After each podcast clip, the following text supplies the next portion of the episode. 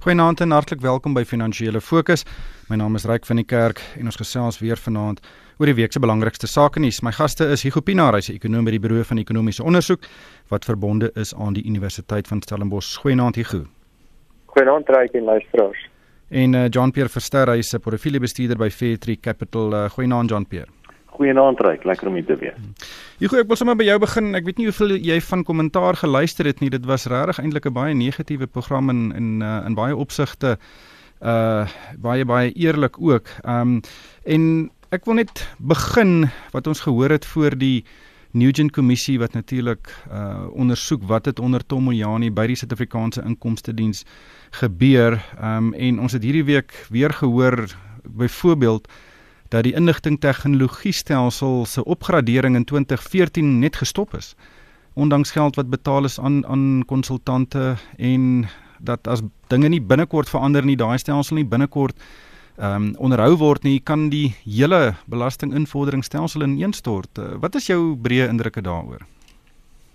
Alraai, as ek miskien bietjie tong in die kies kan kan begin. Ek meen nadat ek daai onderhoud gesmeet met die hoof van van IT by by die inkomste diens het ek ehm um, sommer onmiddellik daai aand dat ek was bietjie agter met my e-filing en dit onmiddellik gaan doen om net seker te maak dit dit is in. Maar op 'n op 'n ernstige noot, ek, ek dink dit, dit dit ek meen Dawie het dit nou gesê op op kommentaar. Ehm um, ek dink dit dit wys maar net vir ons die laaste dekade of kom ons sê die die die termyn van van president Zuma die die mate waartoe ons ehm um, belangrike instellings in in Suid-Afrika ondermyn is vir individuele gewin ehm um, is die Engelse woord is dis mind boggling ehm um, en en hoe hoe wyd versprei dit dit plaasgevind het en natuurlik die die inkomste diens is, is is net 'n sprekende voorbeeld daarvan. Ja, ehm um, ek bly sommer net by jou maar ehm um, Dawie het nou gesê dit gaan dekades vat om reggemaak te word. Ons is in 'n finansiële penarie nommer 1 moet wees om die inkomste diens reg te ruk. Ons het daar so baie vaardighede daar weg dat dit ook nie oornag kan gebeur nie. Hoe, hoe lank dink jy kan dit wees om daai die uh, vermoë van die inkomste diens om die, die nodige belasting in te samel om dit reg te kry? Dit is ja, dit, dit is moeilik om te praat van van dekades. Ehm um, ek meen dit dit is dit is natuurlik so dat ek dink dit, dit jy kan vinniger iets iets verbrokkel. Ehm um, jy weet dit kan jy redelik vinnig doen in in in in 'n paar jaar. Ehm um, so ek dink in daai opsig is hy waarskynlik reg dat dit dit, dit vat waarskynlik langer om 'n instelling te herstel as om dit af te breek. Maar dit gesê, ehm um, ek met die waarnemende hoof van van die inkomste diens het, het nou hierdie week gepraat van die die 200, ek dink die syfer wat hy genoem het hoogs bekwame mense wat onder Tamojani die instelling uh, verlaat het. Nou, dis nie duidelik dat dat dat die inkomste diens al daai mense weer kan terugkry nie, maar ek dink die punt is onder 'n nuwe bestuur tot die mate wat mens weer daai vaardighede kan terugkry. Ehm um, so ek nie dink dit dit behoort ehm um, dekades te neem nie. Ek, jy weet so, so hmm. die die punt van die saak is jy moet jy moet so gou as moontlik uh van daai vaardige mense terugkry en ek dink dan dan kan die herstel uh, eintlik redelik vinnig plaasvind. Natuurlik die ander kant van die sy is dat ons sit met 'n so behalwe die die administrasie van die inkomste diens sit ons met 'n ekonomie wat natuurlik ehm um, wesentlik onderpresteer wat ook die belastinginvordering uh, bemoeilik. So, so dit is natuurlik daar moet twee goed gebeur. Die die die administrasie moet verbeter, maar 'n 'n ekonomie wat vinniger groei sal natuurlik ook die die inkomste 'n uh, 'n uh, goeie opstoot kan gee. Ja. Jean-Pierre, ek weet nie of jy al jou uh, e uh, e-filing gedoen het nie. Ehm um, ek dink as hierdie week wat nou kom is die laaste ene. Uh, ek weet ook jy uh, uit jou oog altyd op die markte en nie so seer op die televisie uitsendings van wat by daai kommissie aangaan nie. Maar wat is jou gedagte oor die inkomste diens? Ja, Ryk, eh, ek ek het al my eie belasting ingevorder en interessant genoeg ek moes 'n terugbetaling kry en toe word ek geaudit as gevolg daarvan. So en dis een van daai audits waar ongelukkig lyk dit asof die inkomste diens self onder druk is dan die oomblik as ehm um, dan per enigiemand 'n uh, terugbetaling moet kry word hulle geaudit en dit het weer eens gewys in my ervaring daarso dat daar is goeie mense nog steeds oor in die inkomste diens maar ongelukkig lyk dit ook asof baie van die stelsels nie heeltemal doen wat hulle moet nie. Baie stelsels is nou ehm um, is mense mee betrokke wat miskien nie altyd weet uh, hoe die uh, inkomstebelastingwet geskryf is en toegepas moet word nie. So ek hoop ook regtig waar dat ons naby aan die punt is waar ons kan seker maak dat die inkomstedienste 'n sterk rolspeler kan wees in die ekonomie, want dit is 'n baie belangrike rolspeler. Uh, mens kan ook dink van 'n morele perspektief. Uh maatskappye moet weet dat hulle moet betaal wat hulle moet.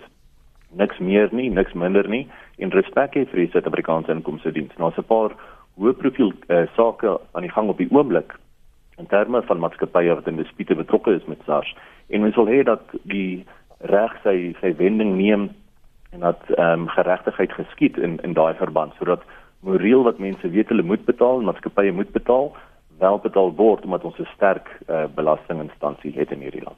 Ja, dis natuurlik die teorie, maar as jy baie keer mense wat hard werk vir geld uh en dan moet jy belasting betaal en dan sien jy hoe word dit gemors veral by uh weet staatsbeheerde instellings uh, en dis meer daai belastingmoraliteit kwessie is baie baie belangrik want as mense nie wil belasting betaal nie gaan hulle probeer om so min as moontlik te betaal en soms kan hulle uit daai gry, grys area beweeg na 'n onwettige tipe van benadering uh en en dit het weet sy uitkring effek.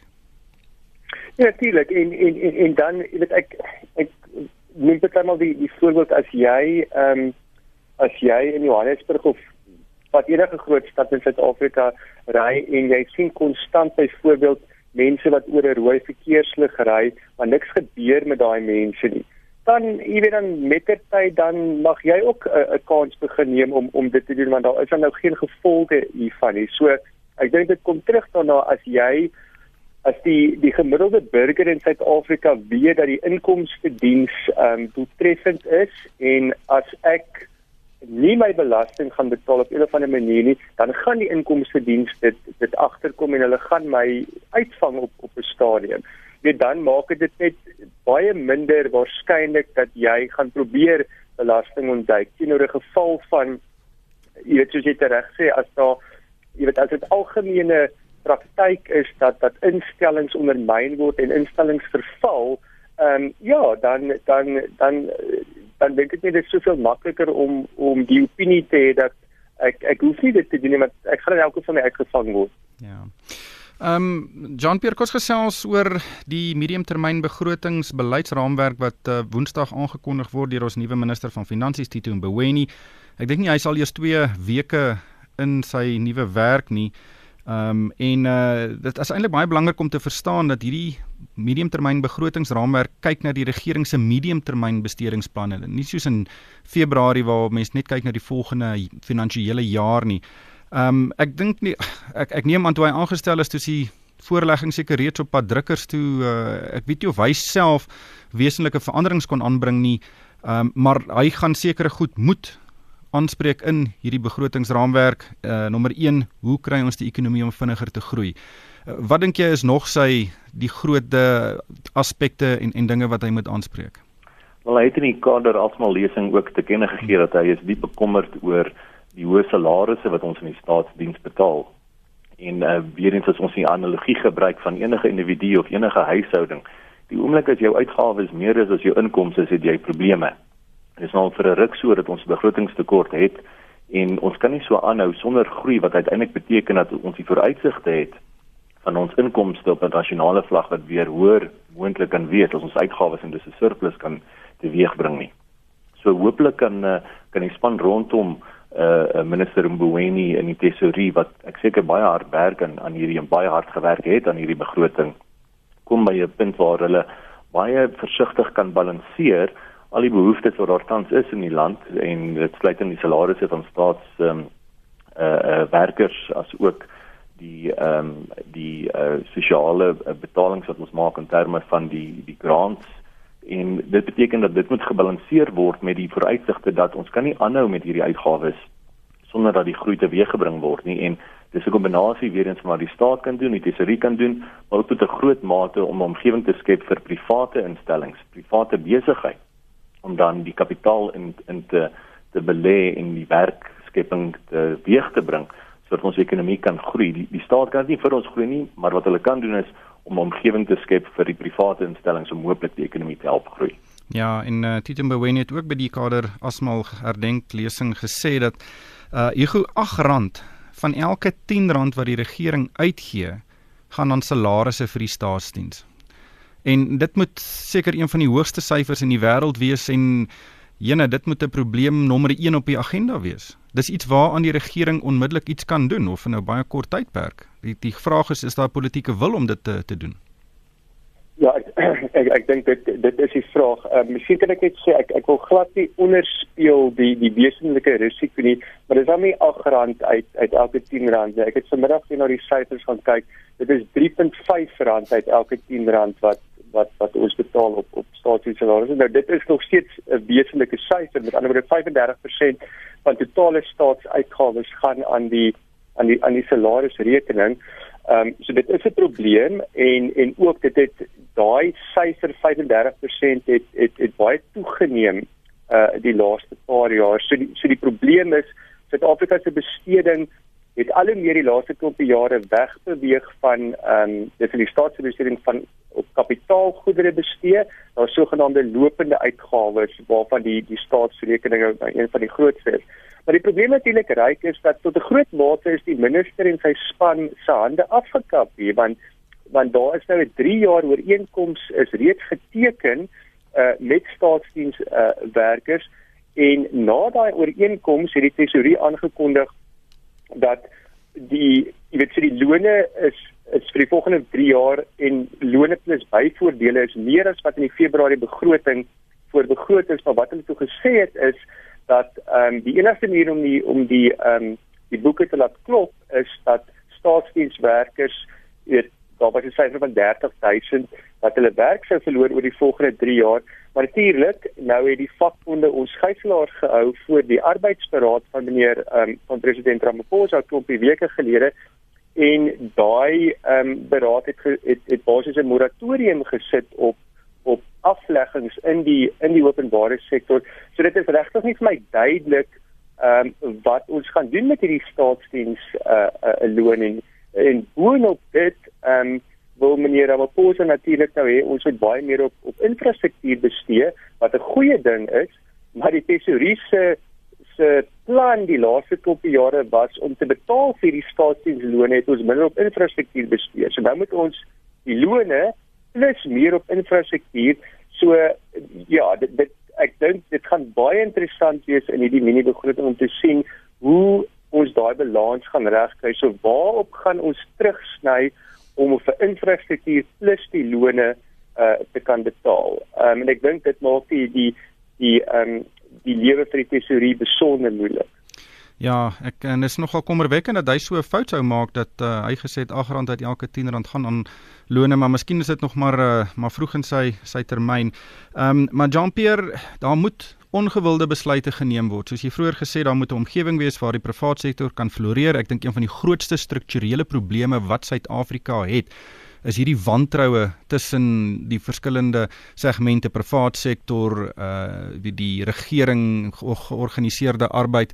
En voor dit nie verander nie, gaan jy nie ondernemings kry wat in die land belê nie. Uh voordat daar nie klarigheid is oor grond uh hervorming nie, ehm um, mynregte en en dis meer. Ehm um, en en dis iets wat hy tromp op moet loop, daar gaan dalk ongewilde besluite geneem moet word. Maar voor dit nie gebeur nie, uh gaan gaan ons maar voortploeter. Korrek en uh, net om om aan te dui hoe ons voortploeter ryk. Ek sien nou dat die JSE algemene indeks waar ons tans staan op rolweg 52100 is dieselfde vlakke van uh die middel 2014. So dis nou vir 4 jaar, meer as 4 jaar eintlik, dat ons geen groei getoon het in die JSE algemene indeks nie. En dis maar een aanduiding van hoe moeilik dit was die afgelope 4 jaar om besigheid te bedryf in Suid-Afrika. Die hoë korrupsievlakke, die hoë uh uh belastingvlakke en baie Suid-Afrikaanse ondernemings het oorsee gegaan om te kyk vir hierdie groei. Maar ook daar het hulle baie keer misstappe uh gehad in hulle uh, uitbreiding oorsee. So ek dink vir almal van ons, uh, die die private ondernemings, die regering en die die man in die straat.